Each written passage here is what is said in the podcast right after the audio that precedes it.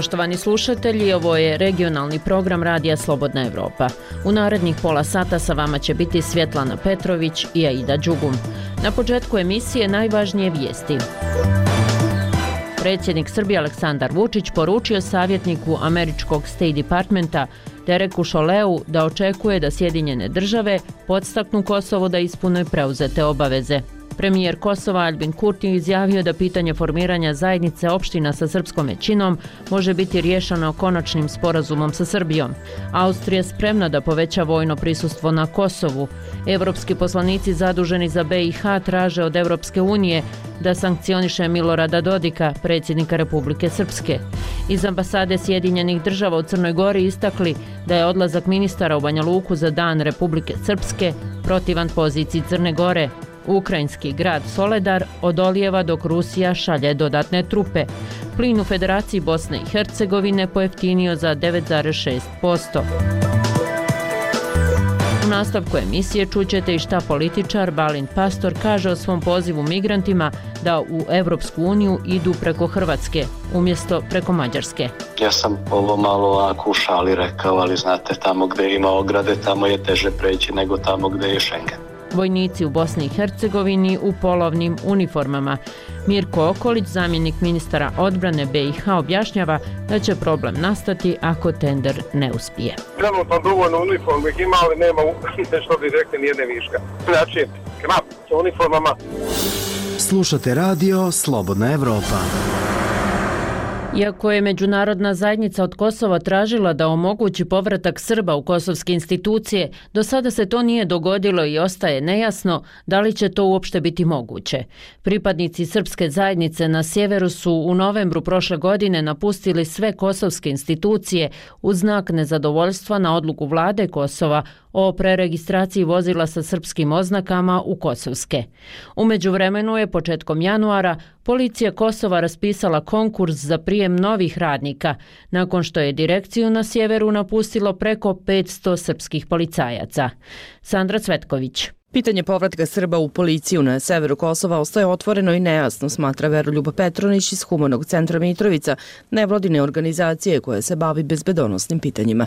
Ali je pitanje sada šta s time hoće vlada Kosova da uradi, a šta će šta zapravo Srbi žele. Iz policije Kosova nisu odgovorili na upit Radija Slobodna Evropa da li ima zainteresovanih na objavljeni konkurs, niti da li imaju pravo da konkurišu bivši policajci koji su podneli ostavke. Rekli su samo da su kriterijumi objavljeni u javnom konkursu, te da će javnost o daljim koracima biti blagovremeno obaveštena. S druge strane, iz vlade Kosova za RSE navode da je konkurs za prijem novih policajaca otvoren za sve one koji ispunjavaju kriterijume te podvlače da Kosovo ne želi nikoga da isključuje iz institucija ili da Srbe zameni Albancima. Jedan od uslova na konkursu za nove policajce je da ne mogu biti stariji od 30 godina. Pripadnici srpske zajednice na severu su u policiju Kosova integrisani na osnovu briselskog sporazuma Kosova i Srbije iz 2013. godine i većina njih sada ima više od 30 godina. Meštani Severne Mitrovice, jedna od četiri opštine sa srpskom većinom na severu Kosova, su podeljenog mišljenja kada je u pitanju povratak Srba u kosovske institucije. Slušamo Jovana Vladana Danijelu i Milenu. Ko se vrate, njihova stvar. Dosta deluje da hoće. Ja mislim neki interes i njihovi, to je ništa drugo. Što se tiče naroda, ništa, samo neki interes njihov. Naravno da ne. Zbog čega? Pa zato što su kosovski, secesionistički. Prvo što nam je važno jeste, čini mi se da treba da se vrati u policiju i pravosuđe. To je najbitnije, pa za sve ostalo polaganje. Pa trebalo bi, zašto da ne? Pa uopšteno svako živi život svoj i svako želi da, da bude tako, mislim svako da bude zadovoljan, da ima slobodu kretanja, da ima sve to. Osim policajaca, ostavke su podneli i radnici upravo osuđu na severu Kosova. Iz Tužilačkog saveta Kosova u pisanom odgovoru za Radio Slobodna Evropa navodi da će odluka o ostavkama srpskih tužilaca sa severa biti doneta nakon detaljne analize istih. Bez donošenja odluke, da li se ostavke prihvataju ili ne, ne možemo da procenimo kako će se odvijati situacija u ovom slučaju, naveli su iz Tužilačkog saveta Kosova. Predsjednik Sudskog saveta Kosova, Albert Zogaj, je za jedan jedan lokalni medij poručio da se ostavke sudije takođe pažljivo razmatraju, te dodao da su započete i procedure za određivanje disciplinskih mera prema onim radnicima koji su, kako je rekao, učestvovali na političkim skupovima, a koji su u suprotnosti sa ustavnim, zakonskim i etičkim odgovornostima. Predsjednica Osnovnog suda u Mitrovici Ljiljana Stevanović te sudija Nikola Kabašić učestvovali su na nekoliko skupova koje je organizovala Srpska lista, najveća stranka Srba na Kosovu koja deluje uz podršku Beograda. Za Radio Slobodna Evropa iz Prištine Sandra Cvetković. Prema podacima Svjetske banke, globalni rast brutodruštvenog proizvoda će se u 2023. godini smanjiti na 1,7% u odnosu na predviđenih 3%. Kada je riječ o zemljama regije, on će iznositi u prosjeku 2,5%. To je uzrokovano povećanom inflacijom, višim kamatnim stopama, smanjenim investicijama i ekonomskim poremećajima uzrokovanim ruskom invazijom na Ukrajinu. Kosovu se u 2023. i 2024. godini predviđa najveći rast BDP-a od 3,7 odnosno 4,2%, dok će najsporiji ekonomski napredak u regiji imati Sjeverna Makedonija 2,4 odnosno 2,7% u ovoj i narednoj godini. Za Bosnu i Hercegovinu, Crnu Goru i Sjevernu Makedoniju je naznačeno da postoje značajne političke neizvjesnosti koje mogu dovesti do kašnjenja u provođenju reformi. Detaljnu infografiku zasnovanu na izvještaju Svjetske banke globalne ekonomske perspektive potražite na slobodnaevropa.org. Vlada Crne Gore će inicirati održavanje zajedničkih sjednica sa vlastima država regiona, saopšteno je na današnjoj sjednici vlade. Premijer u tehničkom mandatu Dritan Abazović je u tom kontekstu pomenuo Srbiju, Albaniju i Sjevernu Makedoniju, sa kojima bi se moglo održati zajedničke sjednice, kada bi mogao biti potpisan niz bilateralnih sporazuma. Možda nećemo moći sa svima, ali neku od tih sjednica zaista ne organizujemo. Mislim da bi to poslalo jako lijepu poruku Nije važno da li ćemo mi biti domaćini ili će neko drugi biti domaćin, to je najmanje važno. Važno je da sjednemo zajedno, potpišemo sporazume i sad vidimo ovaj sporazum, tako da e, bilo bi dobro da sa zemljama sa kojima to možemo da organizujemo, imamo zajedničku aktivnost gdje ćemo nekoliko stvari, najviše treba fokus da bude na infrastrukturi, ali nekoliko stvari moći da, moći da ostvarimo. Ja mislim da je to jako lijepo govorio je premijer Crne Gore u tehničkom mandatu Dritan Abazović. Demokratska partija socijalista je pozvala sve parlamentarne stranke da postignu dogovor o izboru sudija Ustavnog suda, a poslanik Daniel Živković je kazao da će se njegova partija u tom procesu ponašati odgovorno. Već smo imali više raspisanih javnih poziva, već smo imali i više saopštenih političkih stavova na ovu temu i dobro znamo na koji način su se završavali ti javni pozivi. Danas nam je neophodan suštinski dijalog u najkraćem roku kako bismo razriješili pitanje funkcionalnosti institucije Ustavnog suda koja ne svode do organizacije varenih parlamentarnih izbora. Demokratska partija socijalista kao i svaki put do sada će se ponašati odgovorno u potrebi da ovo pitanje riješimo suštinski, odgovorno, onako kako je to neophodno da bismo zaštitili prije svega državni interes, kako bismo sposobili ovu instituciju i kako bismo došli do razrješenja političke krize koja podrazumijeva organizaciju izbora posle kojih ćemo dobiti, vjerujem, stabilnu političku većinu u parlamentu Crne Gore koja će dati podršku izvršnoj vlasti da se suoči sa ozbiljnim izazovima pred kojim se nalazi Crna Gora i vratimo institucionalni red u sferu i obrazovanja, i zdravstva, i ekonomije, i sistema bezbjednosti. Bio je to Daniel Živković iz DPS-a. Prethodno je objavljeno da se na poziv Skupštine Crne Gore prijavilo 25 kandidata, od kojih bi četvoro trebalo da bude izabrano za sudije Ustavnog suda. Slušate regionalni program Radija Slobodna Evropa.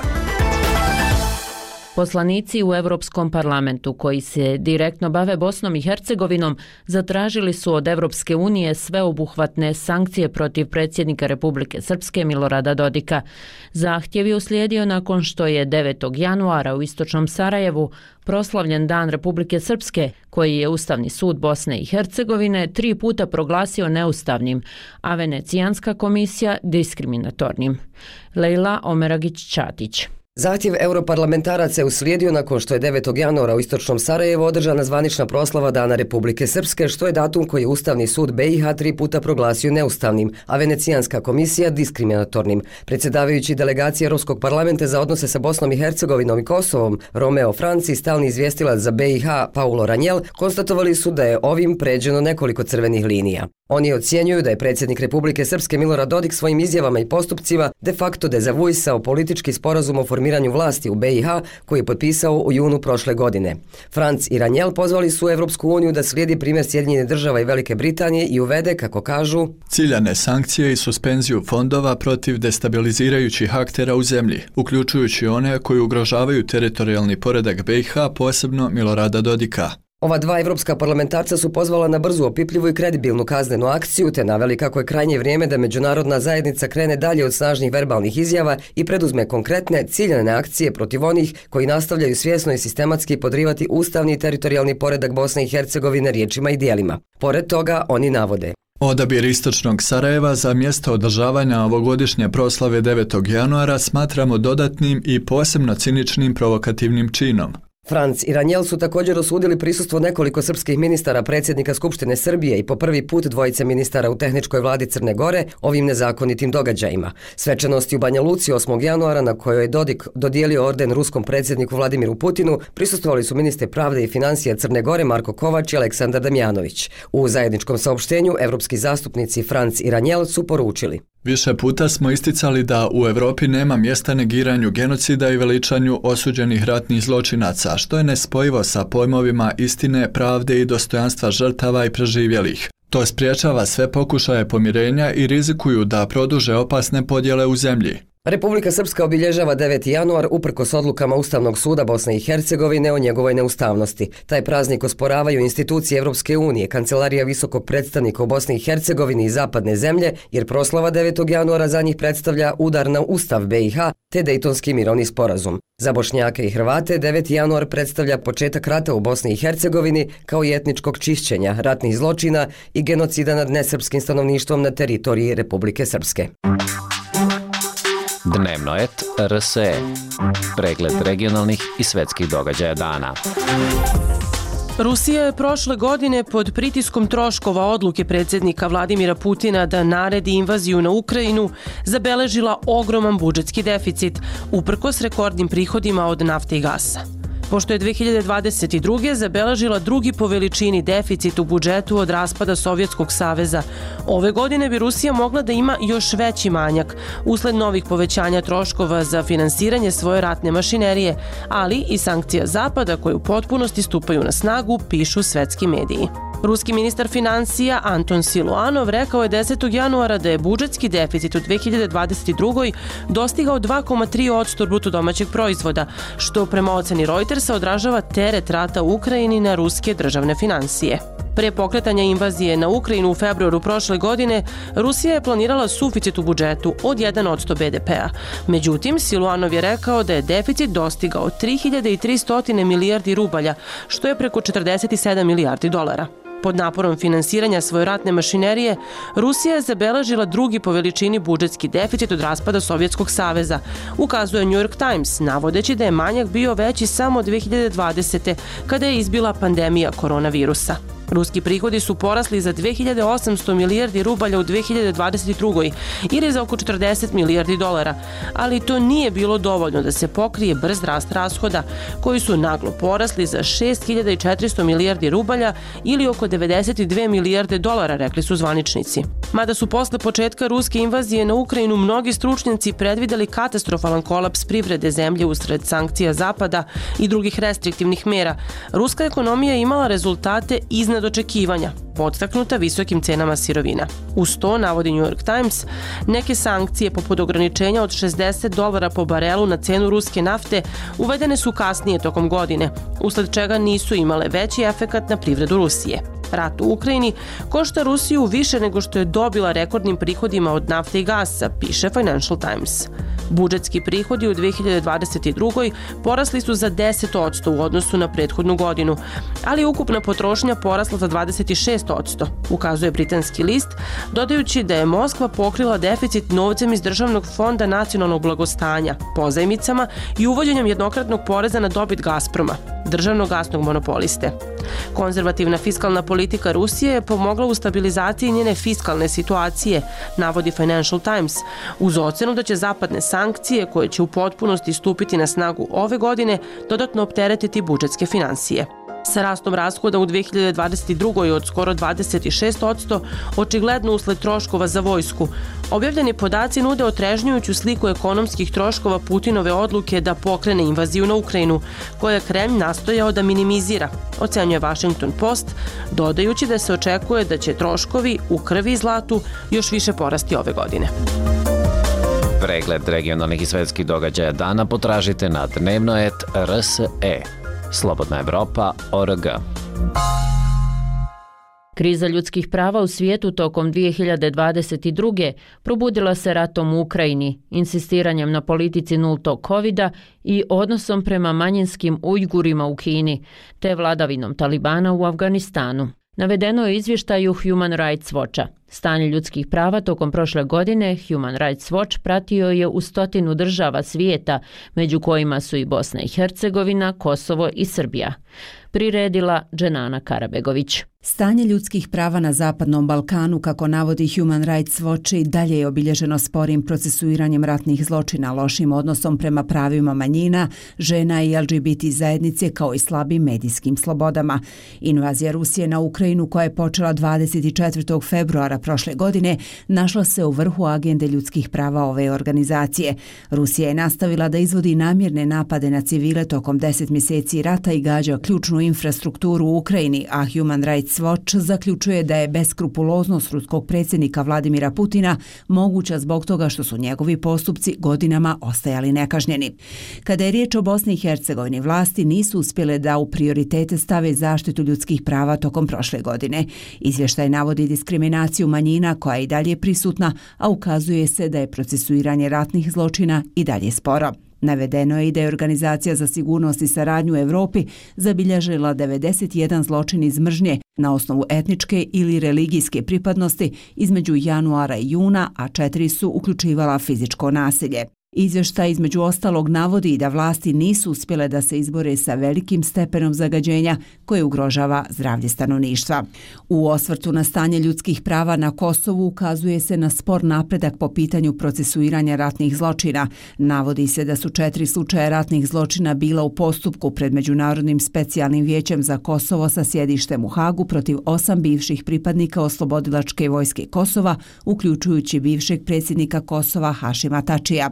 Optužbe se odnose na zločine počinjene tokom rata na Kosovo 98. do 99. Problem nasilja u porodici se izdvaja kao primjer kršenja ljudskih prava na Kosovo, s obzirom da, kako je navedeno, žrtve nailaze na prepreke i ne dobijaju adekvatnu zaštitu. Također se ukazuje na neuspjeh sudija da izdaju zabrane za nasilnike da prilaze žrtvama.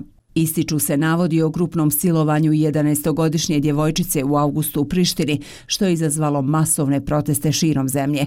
Protestovalo se protiv slabe reakcije države na nasilje i seksualno nasilje nad ženama i djevojčicama. Human Rights Watch navodi da se nezavisni novinari u Srbiji dalje suočavaju sa uznemiravanjem, prijetnjama i nasiljem, da procesuiranje ratnih zločina teče sporo i neefikasno, a ukazuje se da je stanje prava LGBT zajednice i dalje nezadovoljavajuće. Novinari koji kritikuju vlasti izloženi su prijetnjama i napadima uz neadekvatan odgovor države, Human Rights Watch navodi da između januara i augusta u Srbiji tužilaštvo za ratne zločine pokrenulo sedam novih istraga protiv osumnjičenih za ratne zločine.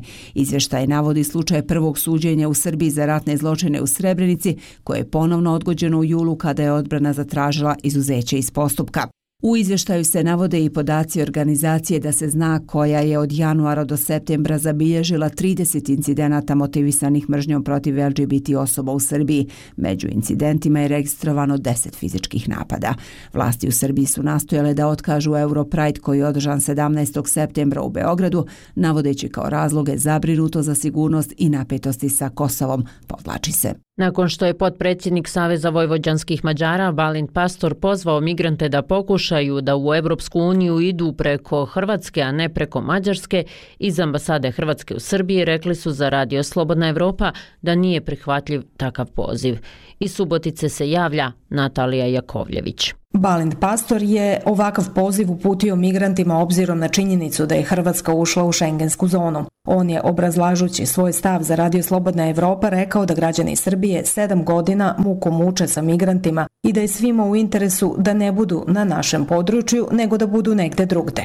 Srbija niti je prouzrokovala, niti može da, da ukine ovu migransku krizu, ali ja sam ovo malo ovako u šali rekao, ali znate, tamo gde ima ograde, tamo je teže preći nego tamo gde je Schengen. Hrvatski ambasador u Beogradu Hidajet Biščević naveo je u pisanoj izjavi za Radio Slobodna Evropa da su delovi vojvođanskog prostora izloženi značajnim pritiscima, a da u političkom pa i u operativnom pogledu nije prihvatljiva ideja, odnosno poziv na preusmeravanje migranata ka Hrvatskoj. Ne želimo se upuštati u nagađanja kako takve sugestije dolaze upravo u vreme kada Hrvatska u okviru Šengena preuzima nadzor nad najdužom granicom spram prostora iz kojih dolazi migrantski talas. Problem je složen i problem je zajednički i zajednički ga treba rešavati, poručio je hrvatski ambasador. Direktor Centra za zaštitu i pomoć tražiocima azila Radoš Đurović rekao je za Radio Slobodna Evropa da izjave političara u medijima ne mogu da promene tok migracija. Sa druge strane je opasno da se stvara utisak da migracija može da menja pravac na taj način ako se neko političar obraća šira javnosti i, i posavetuje an general migrante kuda da idu. To može služi za neke političke poene, ali u realnosti kada se govori o migraciji nema nikakve efekte. Kako ocenjuje Đurović, smanjeni priliv ljudi na severu zemlje je samo privremenog karaktera i da on zavisi od više faktora. Kad su se razbili ti krijumčarski alanci i te grupe sa akcijama policije, to je sigurno uticalo na efikasnost tih krijumčarskih grupa i krijumčarenja, što je i, i smanjilo priliv ljudi na sever zemlje. Ali to je samo privremeno karaktera, to smo vidjeli već ranije, da kasnije pojave se nove ili se one, ili ljudi koji su uhapšeni se zamene nekim novima. Ja migranti dalje dolaze. Naravno, mi očekujemo da sa pojavom Mađarske, Hrvatske, šengenske granice, da jedan deo ljudi pokuša preko Bosne intenzivnije da dolazi. U Srbiji tokom 2022. u prihvatnim i centrima za azil evidentirano je 119.127 novopridošlih osoba.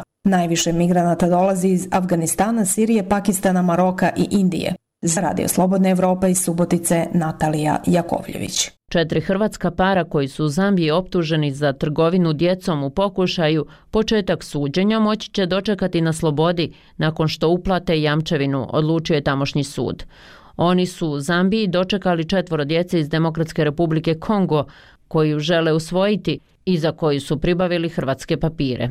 Uhapšeni su na aerodromu kada su željeli otići iz Zambije.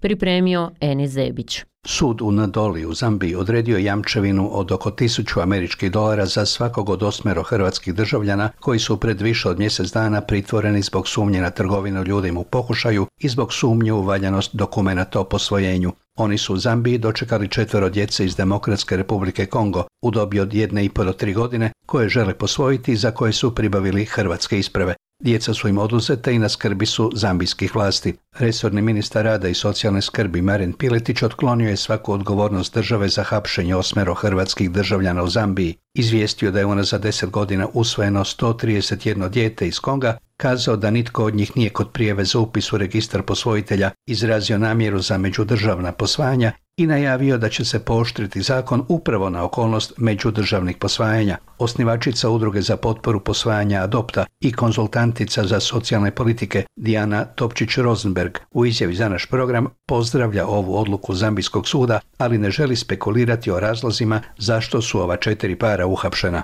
hoću reći da je teško predmijevati šta se uistinu dogodilo i u kojoj fazi, jer zapravo ministarstvo koje je nadležno i koje sad kaže da će mijenjati taj pravni okvir koji će se vezati za državno posvajanje i sada poziva potencijalne posvojitelje da se jave ministarstvu gdje će oni dobiti cjelovitu podršku i pravnu pomoć.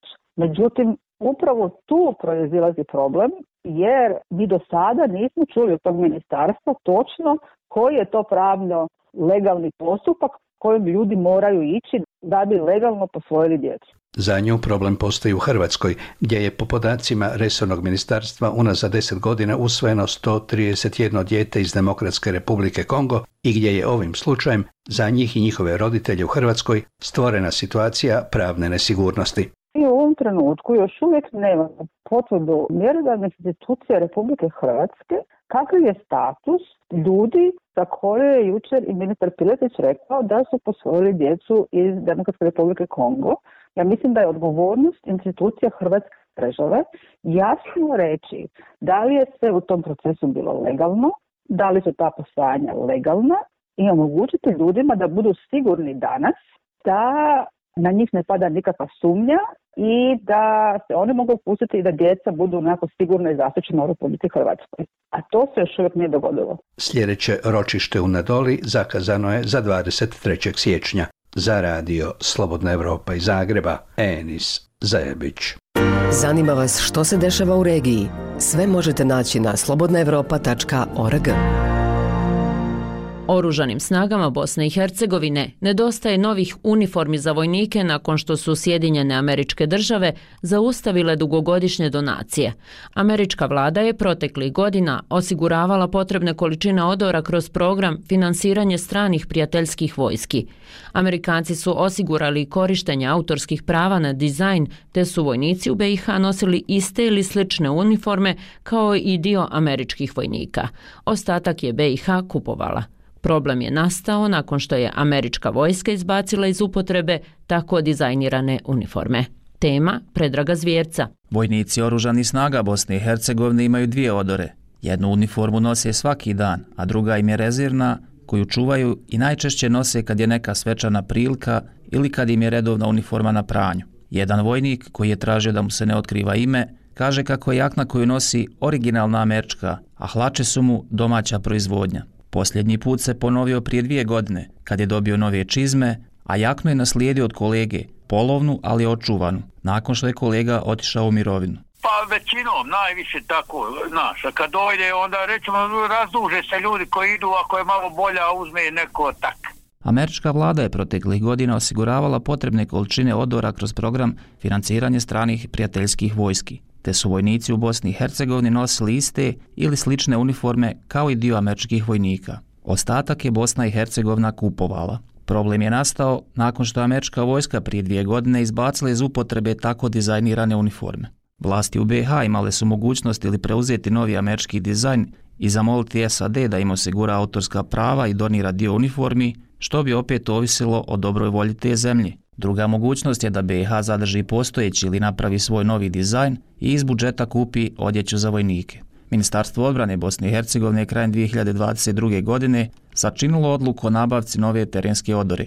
Prema procjenama ministarstva na uniforme bi se u idućih 10 godina trebalo uložiti oko 14,5 miliona eura ili oko 1,45 miliona eura godišnje. Ta odluka još je na čekanju. Međunarodni tender za nabavku manjeg broja uniformi od novca kojim se trenutno raspolaže je raspisan i do kraja mjeseca očekuju otvaranje ponuda. Mirko Okolic, zamjenik ministra odbrane Bosne i Hercegovine za upravljanje resursima, kazao je za Radio Slobodna Evropa da su knap s uniformama i da će problem nastati ako tender ne uspije. Trenutno dovoljno uniformi ima, ali nema što bi rekli nijedne viška. Znači, knap sa uniformama i mislim da je ovaj tender uh, jako bitan i bitno je da uspije da dođe organizacije nabavke ovih sada uniforme koje su u ovome tenderu. Tako da ako ne uspije ovaj tender, onda će zaista biti, ajde da kažemo, težavajuća situacija. U budžetu BiH pojedinačno najveća stavka su troškovi Ministarstva obrane.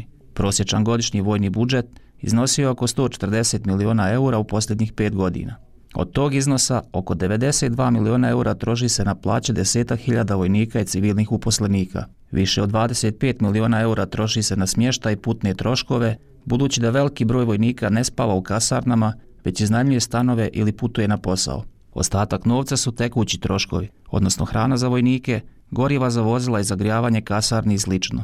Za kupovnu nove opreme šta ostane?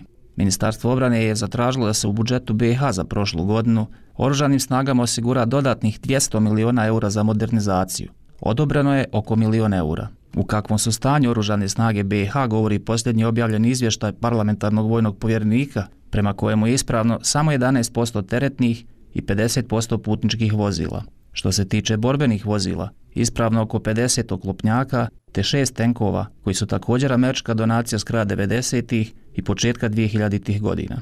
Prosječna starost navedenih vozila je oko 40 godina. Ispravna su tri od četiri helikoptera koje je SAD donirao 2021. godine, a BiH nema borbene avione, dronove i slične letjelice. Za Radio Slobodna Evropa iz Sarajeva, Predrag Zvijerac.